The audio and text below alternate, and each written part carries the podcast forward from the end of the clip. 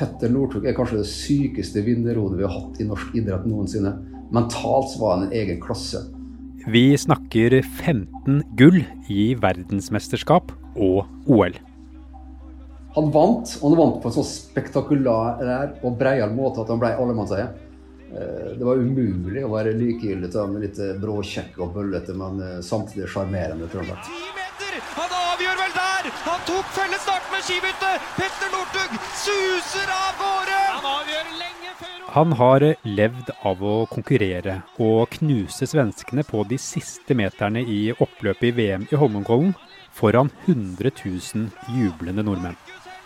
Han prøver å få publikum til å være stille. Se på showmannen Northug! Han er helt Så, for to år siden, la han opp. Og med det så gikk han inn i en hverdag med færre klapp på skuldra og færre jubelrop. Torsdag kveld ble den abdiserte skikongen tatt for å ha kjørt langt over fartsgrensen på E6 rett utenfor Oslo. Han ble stanset av politiet, som siktet han for kjøring over fartsgrensen, kjøring i ruspåvirket tilstand og oppbevaring av narkotika i sin egen leilighet i Oslo. Jeg ble som eh, resten av nasjonen veldig lei meg. Jeg ble skuffa og jeg ble såra. Hvor lenge kan en idrettsstjerne leve på endorfinene fra gull etter gull, når lyset slukkes og jubelen stilner?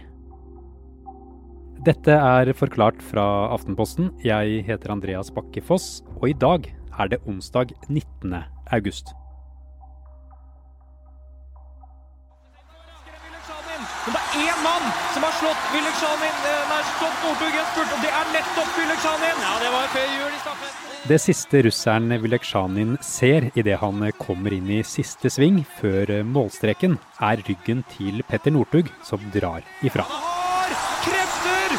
det er akselerasjon, det er kraft, det er eleganse! Og det er Petter Northug på sitt beste! Det er den historiske femmila i VM i Holmenkollen i 2011. Suser over broa, har 100 meter igjen og gir Pollen-publikum det siste å juble for i dette VM! Han er uslåelig på Og Northug, han vinner. Han tar femmilsgullet! Femmilskongen Petter Northug! Og gjør det igjen! Sammen med trenere, lag og pressekorps så står Aftenpostens sportsjournalist Erlend Nesje klar for å ta ham imot.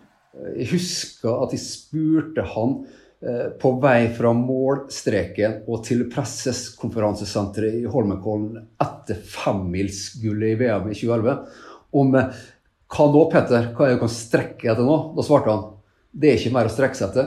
Det er umulig å toppe dette. Han var helt tom. Petter Northug klarte likevel å strekke seg litt til. Det han gjorde etter 2011, sånn sportslig, var nok mest pga. Eh, skippertak i treningsarbeidet. Som f.eks. VM i 2013 og VM i Falun 2015, ikke minst det siste. Men Petter Northug forvandla hele skisporten. Oppmerksomheten ble jo enorm, og ikke minst Eh, økonomisk så var han viktig, spesielt for Skiforbundet. Eh, sponsorbudsjettet til Skiforbundet økte vel fra rundt 25 mill. i 2008 til nærmere 90 millioner kroner da han pika under VM i Falun i 2015. Det er klart, Både Marit Bjørgen og Therese Johaug og noen andre har også bidratt til det, men jeg tror Petter Northug skal ha den største æren for det. Han skal ha æren for at det ble kult å gå på langrenn. Det krever sitt å strekke seg, og å være toppidrettsutøver, det krever sin livsstil. Um, han levde som en asket. Han hadde ingen venner, han dro ikke på fest. Han ofra absolutt alt for å bli best. Det var havreklede og firkornblanding døgnet rundt. Eh, sånn var det i fem-seks år, fra rundt 2005 til 2011. Det handla kun om én ting ble verdensmester i Holmenkollen.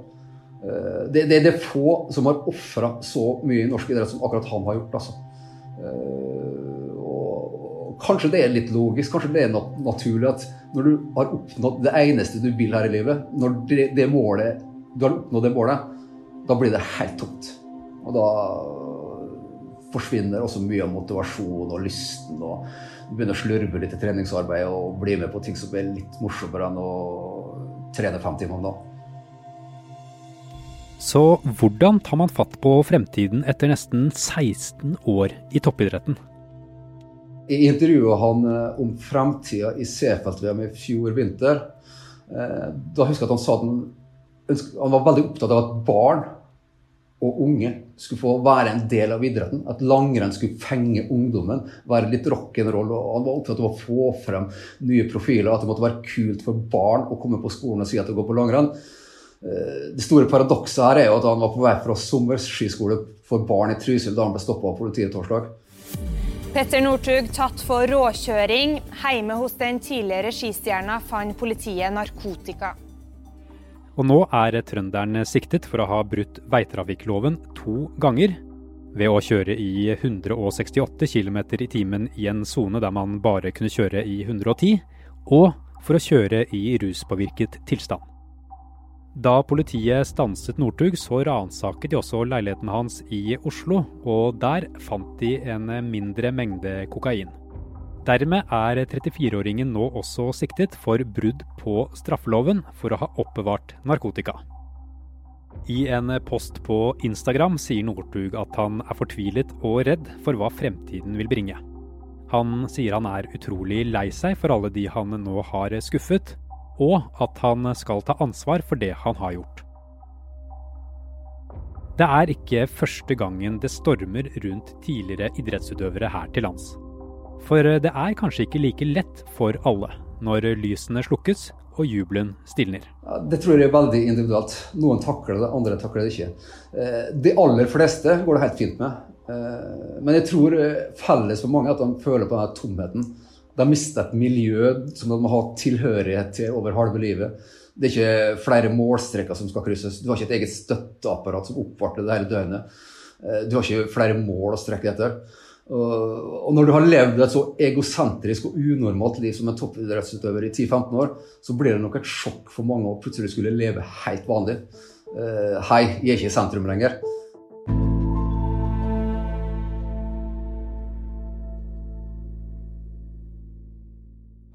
Det som veldig ofte skjer, ikke skjer, da. Ja. Når, når, det går dårlig med det, ja. så er det veldig mange som eh, spør åssen det går. Ja. Altså når det går dårlig med folk på idrettsbanen, er det det mener? De siste dagene har kollega Mette Bugge snakket med mange i idrettsmiljøet, bl.a. Olaf Tufte, som du hører her, om hvorfor overgangen fra å være idrettsstjerne til å få en litt gråere hverdag er så vanskelig. Det er noe ting eh, vi skal ha litt ettertanke. Ja. Det er viktig å presisere at det må ikke være så vanskelig, for de fleste klarer jo helt greit. Men den kan være det fordi eh, det, det kan komme plutselig. Du kan bli sjuk, eller ikke minst skadet, som gjør at du ikke lenger kan drive det, holde på med det du elsker aller mest. Eh, og så er det jo mange som har hatt et langt liv som toppidrettsutøvere. De skal slutte av ulike grunner, og så får de et nytt og annerledes liv som de skal inn i. Og de går fra noe som er trygt, til noe de tenker er utrygt. Så det kan jo være noe av grunnen. En av de mest kjente norske idrettsprofilene som også har vært åpen om hvor vanskelig overgangen kan være, er den tidligere fotballproffen og landslagsspilleren Klaus Lundekvam. I boka 'En kamp til', som kom i 2015, så forteller Lundekvam om misbruk av kokain, at han var sexavhengig, og at tilværelsen glapp. Den mangeårige Premier League-spilleren fikk heller ikke fotfeste da han vendte hjem til Norge et slags trøbbel med å gå over til et eh, normalt liv her hjemme. Han, han, kaller det vel en savn og et sorg, tror jeg. Og du mister liksom det du som har betydd mest for deg i så mange år. Og han sier også det at han savner det at klubber og, og forbund tar et ansvar fordi de må faktisk bidra til å tilrettelegge på en god måte. Han kom med et eksempel fra England, der han følte at om ikke akkurat klubber vender deg ryggen, så er de mest opptatt av de neste som kommer opp. Og det er kanskje naturlig også. Hvordan tar vi vare på individet ja. Ja. etter at man har lagt opp? Da? Ikke sant. Er det noe, er det noe er det noe fallskjerm der. Ja. Og veldig ofte det er sånn man har holdt på så mange år. Da du snakket med Olaf Tufte, Mette, hva sa han om denne overgangen? Jo, det at toppidrettsøvere på en måte er rusavhengige, eh, og da snakker han om endorfiner. Og det som gir en sånn lykkefølelse i kroppen. Og det kan jo mange mennesker oppleve. Men som toppidrettsutøver, den dagen du slutter, så må dette erstattes. Eller så kommer du hjem til, jeg syns han ga et godt bilde, eh, til en tom leilighet og visne blomster.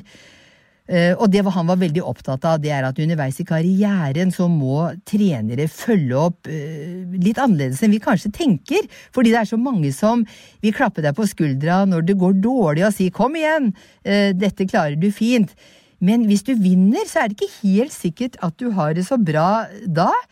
Så han spør om vi er flinke liksom, til å ta vare på utøverne da, underveis, og ikke minst ved karriereslutt. Så har du hyllere, og når det går ja. dårlig, så har du hatere. Ja. Så det spiller liksom ingen trille. Det er veldig forskjellig hvilken plan idrettsutøvere har for livet etter karrieren. Og oppfølgingen etter man har lagt opp, er også veldig ulik. Noen har jo en plan eh, allerede tidlig, og ikke minst underveis ved å ta noen studier og sånn. Men eh, Olympiatoppen de har en karriereveileder som er inne i forbund, og som snakker med utøvere, og som dermed kan veilede dem. Men vi har også noe som heter Idrettens helsesenter, som ble oppretta for noen år siden. Og de har gitt eh, tilbud til over 300 utøvere. I starten så var det veldig mange profilerte utøvere der, og når jeg snakket med hun som leder det, så sa jeg at de jo så, virka jo så ressurssterke, og det var hun faktisk enig i. Men de har lagt seg på et litt annet nivå nå, at det er, skal være lav terskel for å kunne ta kontakt eh, om du ikke har videregående, om du er veldig usikker på hva du skal gjøre. Så de prøver nok å nå mye bredere enn de gjorde i starten. Og så er det jo for utøverne viktig å ha en plan underveis. I, og noen har en plan A, de er veldig målbevisste. De skal bli ferdig utdanna leger og skal ta så og så mange studiepoeng hvert år.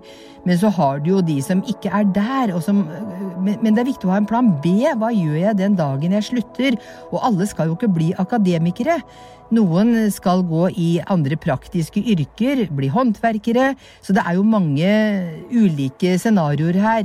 Men at man ikke er på bar bakke den dagen toppidrettslivet er slutt, det tror jeg er viktig.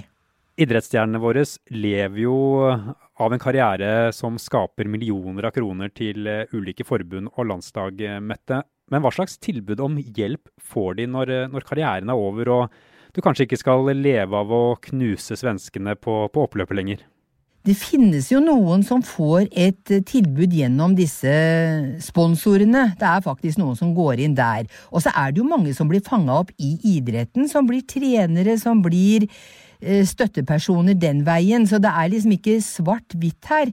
Det, det, det, og igjen, de fleste greier seg fint.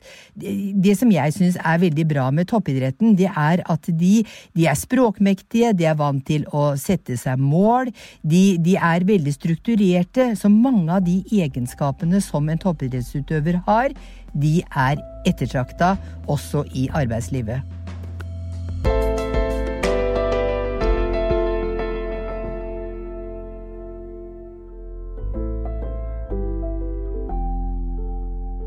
Forklart lages av Caroline Fossland, Anne Lindholm, Fride Næss Nonstad, Marit Eriksdatter Gjelland og meg, Andreas Bakke Foss.